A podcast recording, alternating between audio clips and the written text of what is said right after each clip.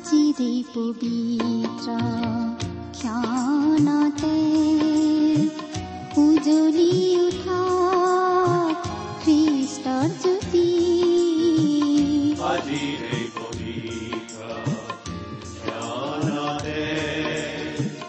উজলি উঠা খ্ৰীষ্টৰ জ্যোতি আকাশ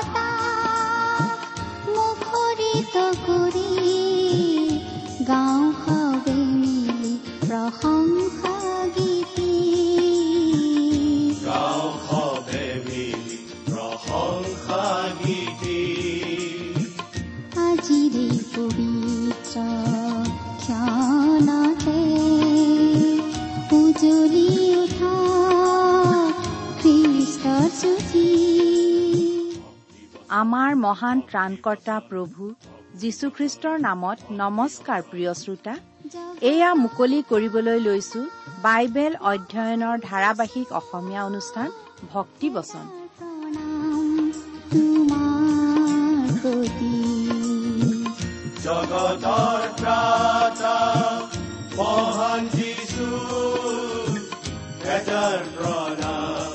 তোমাৰ গ্ৰহণ কৰাই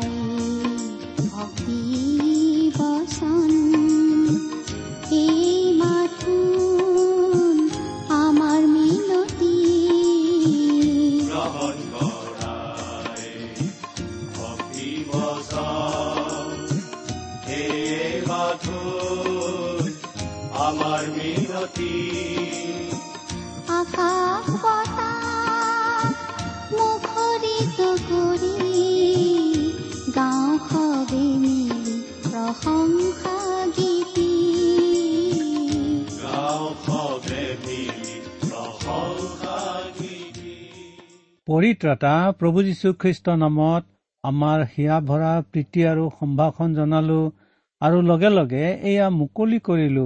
আজিৰ আমাৰ বাইবেল অধ্যয়নৰ অনুষ্ঠান। আপুনি চাগে ভক্তিবচন অনুষ্ঠানৰ জৰিয়তে এই বাইবেল অধ্যয়ন নিয়মীয়াকৈ শুনি আছে। শুনেনে বাৰু? শুনি জানো আমালৈ কেতিয়াবা চিঠি এখন লিখি জনাইছে যে আপুনি এই অনুষ্ঠান শুনে। আপুনি আমাক লিখি নজনালেতো আপোনাৰ কথা জনাৰ আমাৰ একো উপায়েই নাই।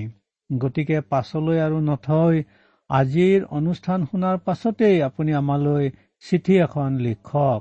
চিঠি লিখি আমাক জনাওক অনুষ্ঠান শুনি কেনে পাইছে অধিক কিবা জানিবলগীয়া থাকিলেও চিঠি লিখি আপুনি আমাক সুধিব পাৰিব।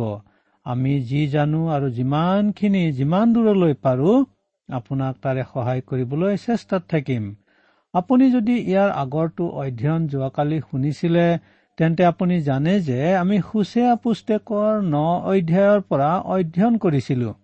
আজিৰ অধ্যয়নত আমি সুচীয়া পুস্তকৰ দহ অধ্যায়টোৰ বিষয়সমূহ আলোচনা কৰিম হওক।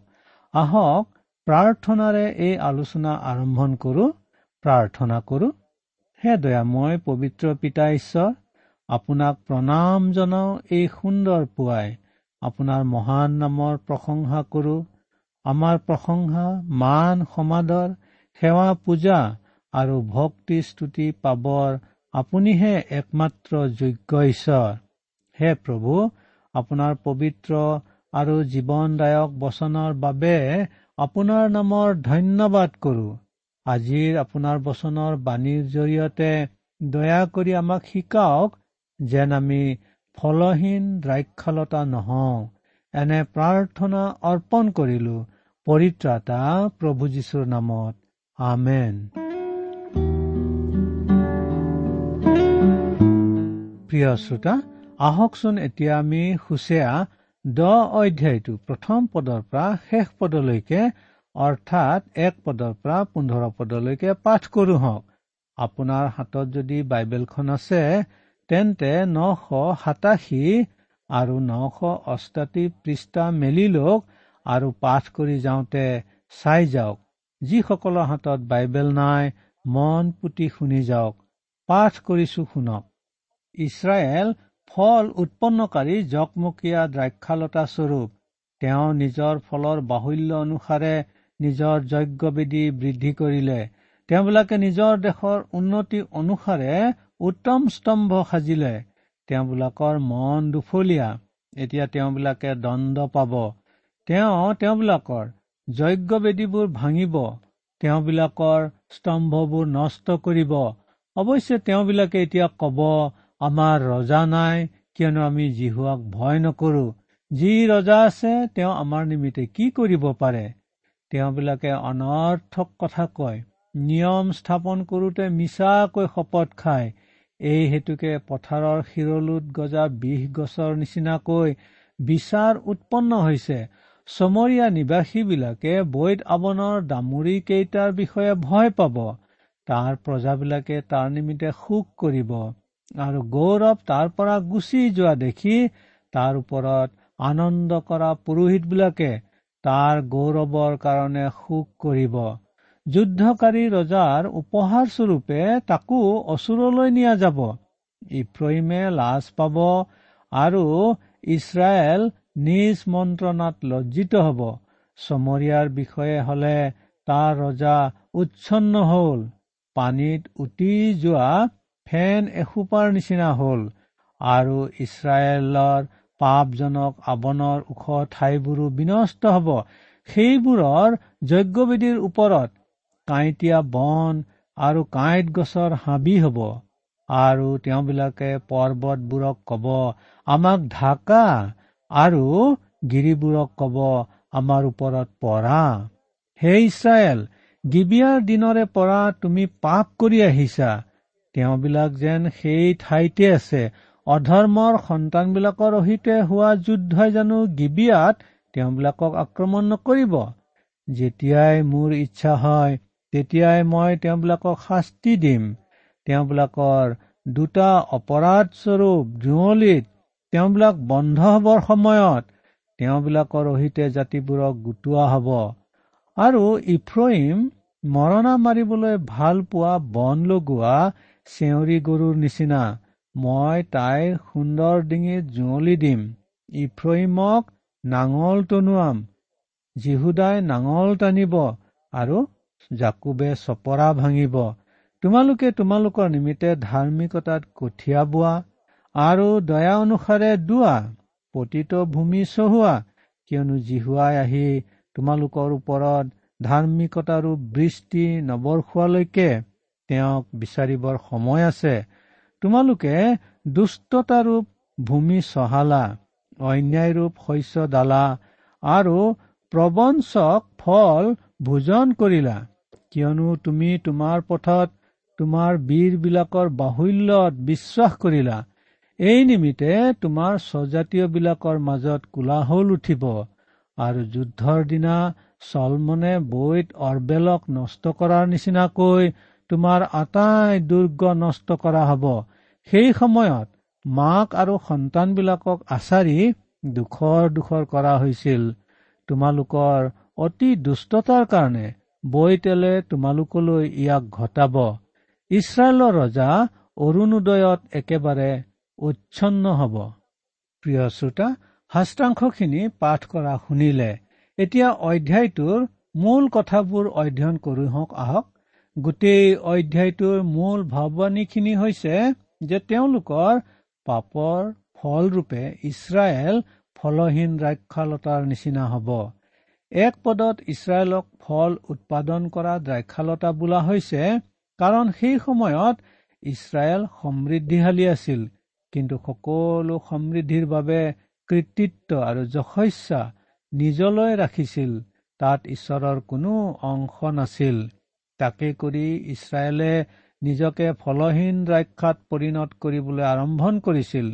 সেইদৰে তেওঁলোকৰ সমৃদ্ধিয়ে তেওঁলোকৰ আত্মিক দৃষ্টি নষ্ট কৰিছিল। আজি আমাৰ মাজতো সেইটোৱেই চলিছে যিবিলাক তথাকথিত খ্ৰীষ্টীয় দেশ আৰু প্ৰগতি প্ৰাপ্ত কৰা দেশ আছে সেইবোৰ দেশে আন দেশলৈ যুদ্ধৰ সা সৰঞ্জাম পঠিয়াইছে কিন্তু তেনে কোনো দেশে আনবোৰ দেশলৈ বাইবেল পঠোৱা নাই। সেইবিলাক খ্ৰীষ্টীয় দেশে পাহৰি গৈছে যে সেইবিলাক দেশে প্ৰগতি প্ৰাপ্ত কৰাত বাইবেলৰে অৰিহণা আছে। গতিকে যুক্তি আৰু ইতিহাসৰ আধাৰত চালে আমি ক'ব পাৰো যে ঈশ্বৰে এইবিলাক দেশৰো সুদ বিচাৰ নিশ্চয়ে কৰিব। অতি প্ৰাচীন কালৰ বহু প্ৰগতিশীল দেশৰ আজি অস্তিত্বই নাই। সেয়ে প্ৰমাণ কৰে যে দেশবিলাকৰ ওপৰত ঈশ্বৰে সুদ বিচাৰ কৰে। ইয়াত ফলৰ বাহুল্য বুলি কৈ জনসংখ্যা বৃদ্ধিৰ কথা কোৱা হৈছে। সেয়ে প্ৰকৃততে ইয়াত কোৱা হৈছে যে জনসংখ্যা যিমানে বৃদ্ধি হৈছিল পাপো সিমানেই অধিককৈ বৃদ্ধি হৈছিল। জোহন পোন্ধৰ অধ্যায়ত প্ৰভু যীশুৱে তেওঁৰ যিহুদী শিষ্যসকলক যি কথা কৈছিল তাকে সোঁৱৰাই দিয়ে ইয়াত উল্লেখ হোৱা দ্ৰাক্ষালতাই। তেওঁ কৈছিল ময়েই প্ৰকৃত দ্ৰাক্ষালতা। জোহন পোন্ধৰ অধ্যায় এক পদ। তেওঁ তাকে কৈ আচলতে কৈছিল যে তেতিয়ালৈকে তেওঁৰ শিষ্যসকলকে আদি কৰি সকলো যিহুদী লোকে অনুভৱ কৰিছিল যে তেওঁলোকৰ জাতীয় পৰিচয়খিনি যথেষ্ট আছিল। তেওঁলোকে ঈশ্বৰৰ কাষ চাপিব পাৰিবৰ বাবে। এতিয়া সেই ধাৰণা আৰু সঁচা হৈ থকা নাছিল। প্ৰভু যীশুৱে তেওঁৰ নামত এক সমাজ পাতিছিল আৰু সেই পবিত্ৰ সমাজখনত ভুক্ত হবলৈ তেওঁ মানুহক আহ্বান দি আছিল। সেই পবিত্ৰ সমাজখনেই হৈছে মণ্ডলী বা গীৰ্জা। তেওঁ নিজে হ'ব সেই মণ্ডলী বা গীৰ্জাখনৰ মূৰটো আৰু গীৰ্জাখন হ'ব তেওঁৰ শৰীৰটো। সেয়ে যেতিয়া তেওঁ কৈছিল যে তেওঁই প্ৰকৃত দ্ৰাক্ষালতা তেতিয়া তেওঁ আচলতে কৈছিল যে এতিয়াৰে পৰা মানুহে আৰু জেৰুচালেমৰ মন্দিৰৰ যোগেদি তেওঁৰ আৰাধনা নকৰিব। কিন্তু তেওঁলোক তেওঁৰ যোগেদি জীৱন্ত ঈশ্বৰৰ কাষলৈ আহিব। তেওঁলোকৰ মন দুভাগ হৈছে মানে এইটোৱেই যে তেওঁলোকে জীৱন্ত ঈশ্বৰৰ যে আৰাধনা নকৰে সেইটো নহয়। তেওঁলোকৰ মাজৰ অনেকে পূৰ্বৰ দিনবিলাকৰ দৰে পৰ্ব আৰু উৎসৱবিলাকৰ বতৰত জেৰুচালেমৰ মন্দিৰলৈ গৈছিল আৰু ঈশ্বৰ আৰাধনাত যোগদান কৰিছিল। কিন্তু তাৰ পাছতেই তেওঁলোকে বাল দেৱতাৰ মূৰ্তিটোৰ কাষলৈকো যাব আৰু তাৰো পূজা কৰিব। তেওঁলোকৰ মন দুভাগ দুফলীয়া হৈছিল। এদিন জীৱন্ত ঈশ্বৰ জীহুৱাক আৰু আন দিনা বাল দেৱতাৰ মূৰ্তি পূজা কৰিছিল। এনেকুৱা মানুহবিলাকৰ ক্ষেত্ৰতেই জাকুবে তেওঁৰ পত্ৰখনত এইদৰে লিখিছে দুই মনৰ মানুহ নিজৰ সকলো গতিতে অস্থিৰ। জাকুব এক অধ্যায় সাত পদ আমাৰ মাজতো আজি নিজৰ সকলো গতিতে অস্থিৰ দুই মনৰ মানুহৰ অভাৱ নাই। কথাৰ কোনো স্থিৰতা নাই সিদ্ধান্তৰ কোনো স্থায়িত্ব নাই। তেনে লোকবিলাকে গীৰ্জাত গান গাই কব প্ৰভু তোমাক প্ৰেম কৰো। কিন্তু তাৰ পাছতেই গীৰ্জাৰ পৰা ওলাই কব মানুহজনক চকু এটাৰো চাবলৈ ইচ্ছা নকৰো। দুফুলীয়া হোৱা মনেও ঈশ্বৰৰ সুদ বিচাৰা ইছৰাইলৰ তেনে দুফলীয়া মন হৈছিল দুফলীয়া কাম কৰিছিল আৰু ঈশ্বৰৰ সুদ বিচাৰৰ সন্মুখীন হৈছিল।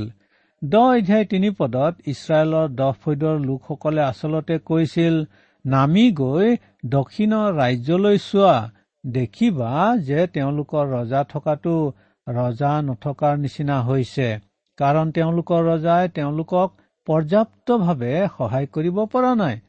তেওঁলোকৰ ৰজাবিলাক যে ঈশ্বৰক নজনা ৰজা আছিল সেয়া সঁচা কথা নাছিল।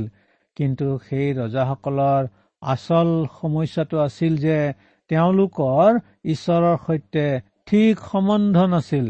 আমাৰ সমস্যাবোৰৰ কাৰণে আমি আমাৰ সমাজ বা আমাৰ চৰকাৰখনকে জগৰীয়া পাতিব পাৰো। কিন্তু মূল সমস্যাটো আমাৰ অন্তৰখনতেহে আছে। হয় আপোনাৰ অন্তৰত আৰু মোৰ অন্তৰত আছে। সেয়া কি জানেনে? পাপ। সেয়া পাপ সমস্যা।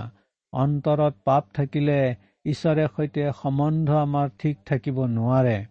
চাৰিপদৰ অনৰ্থক কথাখিনি হৈছে অধিক কথা হকে নহকে ভল বলাই থকা কথা। প্ৰিয় শ্ৰোতা আজিৰ আমাৰ অনাতা দূৰদৰ্শন আৰু লিখিত পৃষ্ঠাৰ মাধ্যমেৰে আমিও বহু কথা কৈ আছো। আজিৰ আমাৰ যুগৰ সময়তকৈ আগৰ কোনো সময়ৰ মানুহে আমাতকৈ অধিক কথা কোৱা নাই। আজি আমি এনে বহু কথা কৈছো যিখিনি হয়তো নকলেও চলিলেহেঁতেন।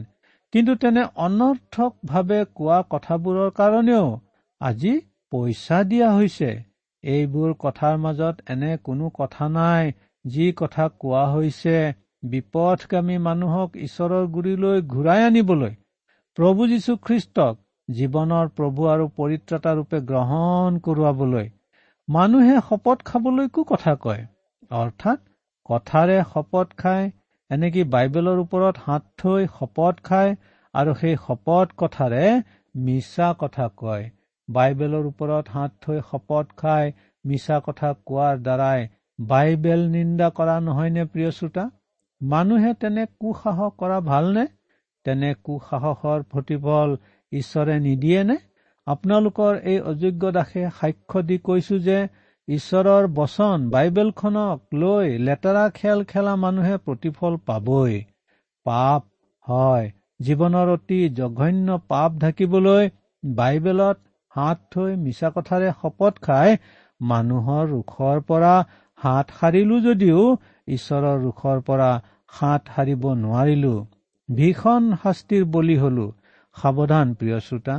কাৰণ ইছৰাইলৰ এই বদ আচৰণটোৰ বাবেই তেওঁলোকৰ মাজত বিষ গছৰ নিচিনাকৈ আধ্যাত্মিক বিচাৰ উৎপন্ন হৈছিল আৰু সেইবোৰ বিচাই ডাকি তেওঁলোকৰ জীৱনটো বিষময় কৰি তুলিছিল।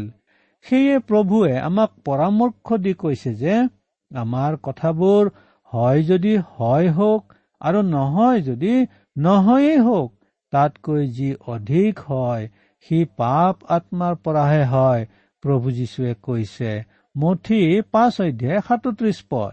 পাঁচ পদৰ বৈত আৱন নামটো বৈতেল নামটোক সেয় প্ৰতিপন্ন কৰা নাম। সোণৰ দামৰি সাজি যিহেতু এটা বৈতেলত আৰু আনটো চমৰীয়াত ৰখা হৈছিল সেয়ে দুয়োটা ঠাইৰ মানুহৰ মাজত তৰ্ক বিতৰ্ক আৰু হিংসা ঘৃণাই ঠাই লৈছিল। কোনটো দামৰি কিমান ডাঙৰ আৰু কোনটো মূৰ্তিত কিমান পৰিমাণৰ সোণ থাকিব পাৰে সেইবোৰ অতি তাৎপৰ্যহীন কথাক কেন্দ্ৰ কৰি। তেনে লৰামতীয়া চিন্তাৰ বশৱৰ্তী হৈ আজি আমাৰ মাজতো জাগতিক বিষয়ক প্ৰতিযোগিতা গঢ়ি উঠিছে। সেয়ে কওঁতাসকলে নিজৰ সামৰ্থ্য প্ৰকাশ কৰি কয় তেওঁতো মাৰুতি এখনহে কিনিছে মই টাটা চুমু এখন কিনিব নোৱাৰো নেকি? ইত্যাদি। মই কেনেকৈ মোৰ সমকক্ষ বা ওচৰ চুবুৰীয়াজনৰ ওপৰত থাকিব পাৰিম সেইটোৱে মোৰ একমাত্ৰ চিন্তা আৰু মোৰ লক্ষ্য হৈ পৰিছে। ইছৰাইলৰ সন্তানসকলে সেয়ে দামুৰিটো পূজা কৰাত ইটো দলে সিটো দলক কেনেকৈ চেৰ পেলাব পাৰে তাৰ কাৰণে প্ৰতিযোগিতাত অৱতীৰ্ণ হৈছিল। কিন্তু তেওঁলোকৰ দামৰি পূজাৰ যি গৌৰৱ সি গুচি যাব। আৰু পুৰোহিত আৰু সাধাৰণ প্ৰজা সকলোৱে সুখ কৰিব লাগিব। অৰ্থাৎ ঈশ্বৰে ইছৰাইলৰ সন্তান আৰু পুৰোহিতসকলকো কৈছিল তোমালোকৰ ধৰ্মৰ যি গৌৰৱক লৈ তোমালোকে গৰ্ব কৰিছিলা সেই গৰ্ব আঁতৰি যাব। তোমালোকৰ ধৰ্মৰ গৌৰৱৰ অৱসান ঘটিল বুলি লিখি তোমালোকৰ ঘৰৰ দুৱাৰত জাননী ফলক ওলোমাই দিয়া হব। এই গৌৰৱ কেনেকৈ অন্তৰ্ধান হব? তাক তাৰ পাছৰ পদত অৰ্থাৎ ছয় পদত পোৱা যায়। সেই গৌৰৱ অন্তৰ্ধান হব কাৰণ সোণৰ দামুৰি এটা অচুৰলৈ লৈ যোৱা হব আৰু সেই দুটা অচুৰৰ ৰজাৰ হাতত উপহাৰ ৰূপে আগবঢ়োৱা হব। ৰজাক উপহাৰ ৰূপে দিবলৈহে সেইটো উপযুক্ত হব কাৰণ তাত যিহেতু পৰ্যাপ্ত পৰিমাণৰ সোণ আছে। ইছৰাইলে যিবিলাক মন্ত্ৰণা নিয়া দিয়া কৰিছিল সেইবোৰ মূল্যহীন আৰু অৰ্থহীন বুলি প্ৰমাণিত হ'ব। সাত পদতো ঈশ্বৰে এই কথাটো স্পষ্টভাৱে জনাইছিল যে উত্তৰ আৰু দক্ষিণ দুয়োটা ৰাজ্যৰ ৰজাকে বুৱতী পানীৰ ফেনৰ দৰে নাইকিয়া কৰি দিয়া হব। আন কথাত ইছৰাইলৰ ঊনৈশগৰাকী আৰু জিহুদাৰ বিশগৰাকী ৰজাৰ ইমান দিনৰ ৰাজত্ব ফুটুকাৰ ফেনত পৰিণত হব। আঠ পদত পাপজনক আৱনৰ ওখ ঠাইবোৰো বিনষ্ট হব বুলি কৈ পাহাৰ মালাৰ ওপৰৰ বৰ বৰ গছৰ গুৰিত দেৱতাবোৰৰ উপলক্ষে স্থাপন কৰা থান বা যজ্ঞবেদীবোৰৰ কথা কোৱা হৈছে। কিন্তু দিন আহিব যেতিয়া তেওঁলোকে কব হে পাহাৰবোৰ আমাক ঢাকা। আৰু ওখ ওখ পাহাৰ মালাক কব হে ওখ ওখ গিৰি ৰাখি আমাৰ ওপৰত পৰা। কিন্তু তেতিয়া তেওঁলোকৰ বাবে বহু পলম হৈ যাব। শেষৰ কালত মহাক্লেশৰ সময়ত তেওঁলোকৰ সেই অতি ভয়ংকৰ অভিজ্ঞতাটো হ'ব। প্ৰকাশিত বাক্য ছয় অধ্যায় পোন্ধৰ পদৰ পৰা সোতৰ পদ। ন পদত গিবিয়াৰ দিনৰ কথা কৈ বিচাৰকৰ্তা পুস্তকৰ ঊনৈশ আৰু বিশ অধ্যায়ৰ কথাকেই কোৱা হৈছে নিশ্চয়। গৃহযুদ্ধৰ পাছত গিবিয়নীয়া সমোলঞ্চে নিৰ্মূল কৰাৰ পাছতো পাপ অনবৰতে বাহাল থাকিল। গিবিয়াই বৰ উগ্ৰ আৰু সীমাহীন যৌন কামুকতাক প্ৰতিনিধিত্ব কৰে। ইছৰাইলৰ উগ্ৰ আন দেৱতা পূজাও তেনেধৰণৰ পাপ আছিল। দহ আৰু এঘাৰ পদত যিটো কথা কোৱা হৈছে সেইটো হৈছে যে ইছৰাইলে শস্য চপাই আনন্দ কৰে কিন্তু শস্য বাবলৈ টান পায়। কিন্তু তেওঁলোকে যিটোক কৰিবলৈ বেয়া পায় ঈশ্বৰে তেওঁলোকক তাকেই কুৰাব। বাৰ পদৰ বাণীটোৱেই গোটেই বাইবেল যোৰা বাণী। গালাটীয়া মণ্ডলীৰ ভাই ভনীসকললৈ চিঠিৰে পৌলে তাকেই জনাইছিল এইদৰে তোমালোক ভ্ৰান্ত নহবা ঈশ্বৰক ভান্দনা কৰা নাযায় কিয়নো মানুহে যিহকে বয় তাকেহে দাব। কাৰণ যিজনে নিজৰ মাংসৰ উদ্দেশ্যে বয় তেওঁ মাংসৰ পৰা ক্ষয়ৰূপ শস্য দাব কিন্তু যিজনে আত্মাৰ উদ্দেশ্যে বয় তেওঁ আত্মাৰ পৰা অনন্ত জীৱনৰ শস্য দাব। গালাটীয়া ছয় অধ্যায় সাত আৰু আঠ পদ। কিন্তু তেৰ পদত দেখিছো যে ইছৰাইলে তেওঁলোকৰ ঈশ্বৰ জীহুৱাই শিকোৱা পাঠ কেতিয়াও আওৰাব নোৱাৰিলে। জাতিটোৱে দুষ্টতাৰ কঠীয়াকেই সিঁচিলে আৰু অপৰাধৰ শস্যকেই ডালে তাৰ পৰিণাম ৰূপে তেওঁলোকে অসত্যকে আহাৰ ৰূপে ভোজন কৰিলে। তেওঁলোকে বলৱান লোকৰ ওপৰত আস্থা ৰাখিছিল। তেওঁলোকৰ ঈশ্বৰ জীহুৱাৰ ওপৰত নহয়। আজি আমাৰ দিনতো এক প্ৰকাৰে ইছৰাইলৰ সন্তানসকলে কৰাৰ দৰেই আমাৰ দিনৰ মানুহেও আমি কৰি আছো হওক। মানুহে আজি তেওঁলোকৰ নেতা নিৰ্বাচন কৰে। কিন্তু কোনে নিৰ্বাচন কৰে আৰু কেনেকুৱাসকলক নিৰ্বাচন কৰা হয় সেইটোহে ঘাই কথা। ঈশ্বৰহীন লোক এগৰাকীক ঈশ্বৰলৈ ভয় ভক্তি ৰখা লোকসকলে নিৰ্বাচন কৰিবনে? নাইবা ঈশ্বৰহীন লোকসকলে ঈশ্বৰলৈ ভক্তি ৰখা লোক এগৰাকীক নেতা পাতিবনে? এই ক্ষেত্ৰত ঈশ্বৰক ভান্দনা কৰা নাযায়। যিজনে পাপ আৰ্জিব সেইজনে পাপৰ ফলকে আহাৰ ৰূপে ভোজন কৰিব লাগিব। পাপ কৰি কোনেও ৰেহাই নাপাব। সেই কথা আমি দোহাৰি দোহাৰি কৈ আহিছো। আমি যদি আহাব ইজেবল আৰু স্কুৰুটীয়া যীহুদাহঁতক ঘূৰাই আনি তেওঁলোকৰ সাক্ষ্য শুনাৰ ব্যৱস্থা কৰিব পাৰিলোহেঁতেন তেন্তে তেওঁলোকে আমাক সজোৰে কব পাৰিলেহেঁতেন যে পাপ কৰি তেওঁলোকে ৰেহাই পাব নোৱাৰিলে।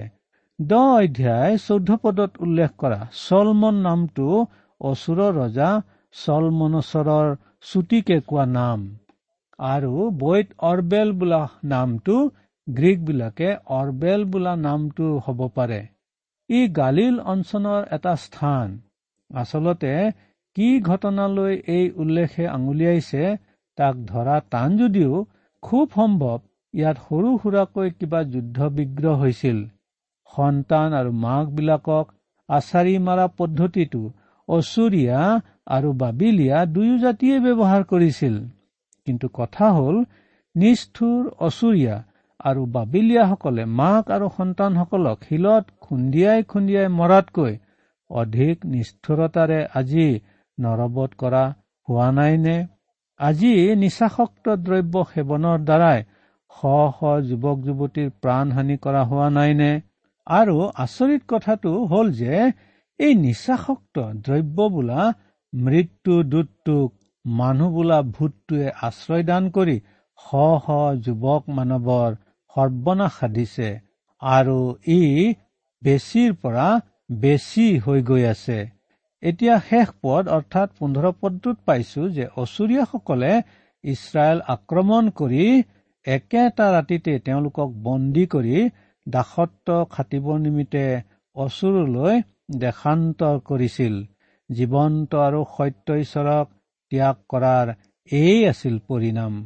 হে প্ৰিয় শ্ৰোতা আমি এইবোৰ কথাৰ পৰা আমাৰ কাৰণেও আমি শিক্ষা লভিব পাৰো আৰু জীৱন্ত সত্য ঈশ্বৰৰ লগত আমি লাগি থাকিব পাৰো। ঈশ্বৰে আপোনাক আশীৰ্বাদ কৰক। আজিলৈ আমি সামৰিছো। নমস্কাৰ।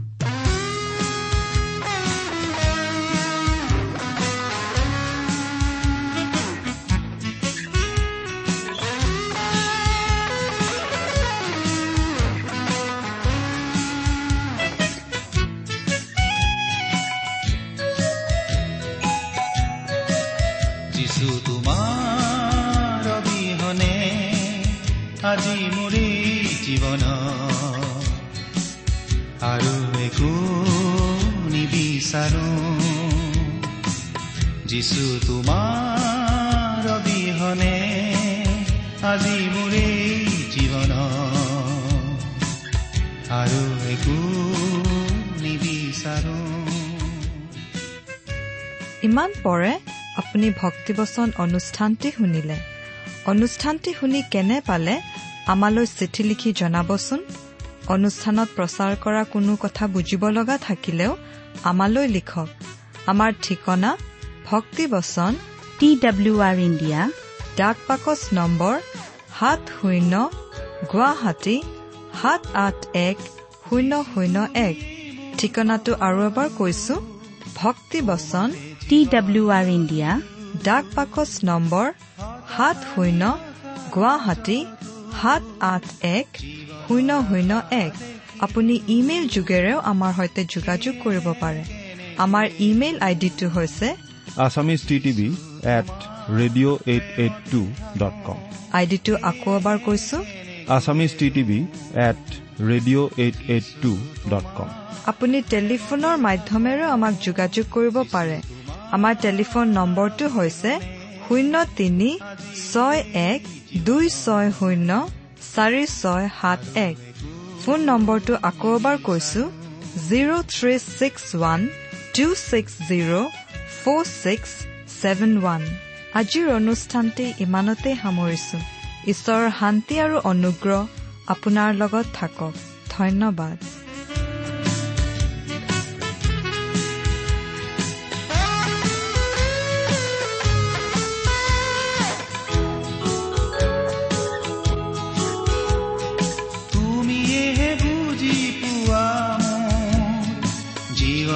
জীৱনৰ